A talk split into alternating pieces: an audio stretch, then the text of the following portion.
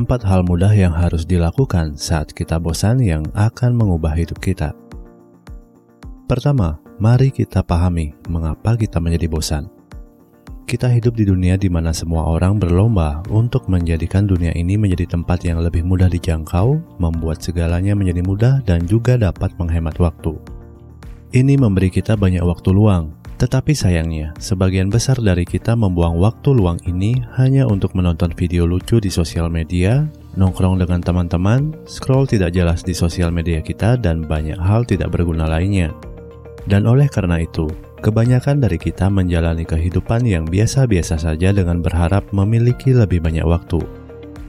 Jika Anda tidak ingin menjadi yang biasa-biasa saja dan ingin menjalani kehidupan impian Anda, maka Anda harus melakukan empat hal mudah ini yang akan mengubah hidup Anda.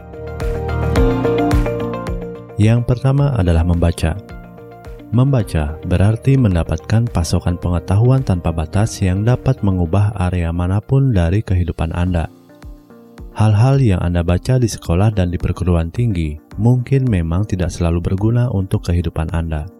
Bacaan itu mungkin tidak mengajari tentang beberapa bidang pada kehidupan kita, seperti kesehatan, hubungan, keuangan, dan spiritualitas.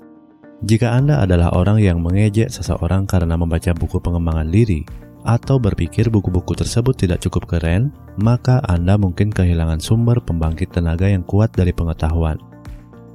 Semua buku pengembangan diri yang hebat ditulis oleh penulis yang ahli berdasarkan dari pengalaman dan pengetahuan mereka setelah melakukan penelitian yang intens dalam subjek tersebut dan mereka ingin berbagi dengan Anda. Jika Anda bukan pembaca aktif, mulailah secara perlahan. Mulailah dengan membaca 10 halaman perharinya. Membaca tidak hanya membantu Anda dalam mendapatkan pengetahuan, tetapi juga mengurangi stres Anda sebesar 68%. Yang kedua, meditasi. Meditasi berarti, dalam tanda kutip, dapat membungkam pikiran Anda. Ketika kita tidak memiliki apa-apa untuk dilakukan, kita khawatir tentang masa lalu kita atau tentang masa depan kita. Di waktu luang Anda, alih-alih khawatir dan berpikir berlebihan yang tidak berguna, Anda perlu mengendalikan pikiran Anda. Meditasi itu mudah dan merupakan cara terbaik untuk mengendalikan pikiran Anda. Mulailah dengan melakukannya selama 5 menit setiap paginya. Cukup menyilangkan kaki Anda, duduk tegak, dan tutup mata Anda. Mulailah bernapas dalam-dalam dan fokus hanya pada pernapasan Anda. Banyak pikiran akan memasuki otak Anda. Anda hanya harus mengamati pikiran-pikiran ini dan mereka pun akan pergi. Meditasi akan membebaskan pikiran Anda dari pikiran kompulsif masa lalu dan pikiran masa depan, ini akan sedikit sulit di awal, tetapi akan lebih mudah dengan latihan yang konsisten. Dengan cara ini, Anda akan dapat mengendalikan pikiran Anda, alih-alih membiarkan pikiran mengendalikan Anda. Yang ketiga, berolahraga. Penggunaan waktu luang yang baik adalah menggunakannya untuk meningkatkan tubuh dan pikiran Anda. Salah satunya adalah dengan berolahraga. Sebagian besar dari kita terlalu malas untuk berolahraga, manfaat berolahraga terlalu banyak untuk diabaikan, dari meningkatkan kejernihan mental Anda hingga membantu Anda mempertahankan tingkat energi yang lebih tinggi di sepanjang hari. Berolahraga dapat meningkatkan hidup Anda dalam banyak cara. Anda dapat pergi ke gym, berjalan-jalan, atau melakukan yoga. Lakukan apa pun yang cocok untuk Anda, tetapi pastikan Anda berolahraga meskipun hanya 10 atau 20 menit sehari. Yang keempat, buatlah catatan jurnal.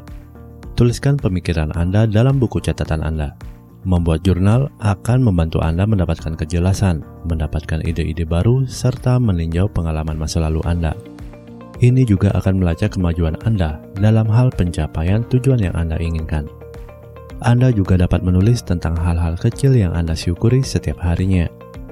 Dengan cara ini, Anda akan menghargai semua yang Anda miliki dan akan berhenti mengkhawatirkan hal-hal yang belum Anda miliki. Anda dapat menulis dalam format apa pun, digital atau tradisional. Ketika Anda tidak memiliki apa-apa untuk dilakukan, ekspresikan diri Anda dalam buku jurnal Anda. Lakukan empat hal ini ketika Anda bosan dan lihat bagaimana hidup Anda akan berubah.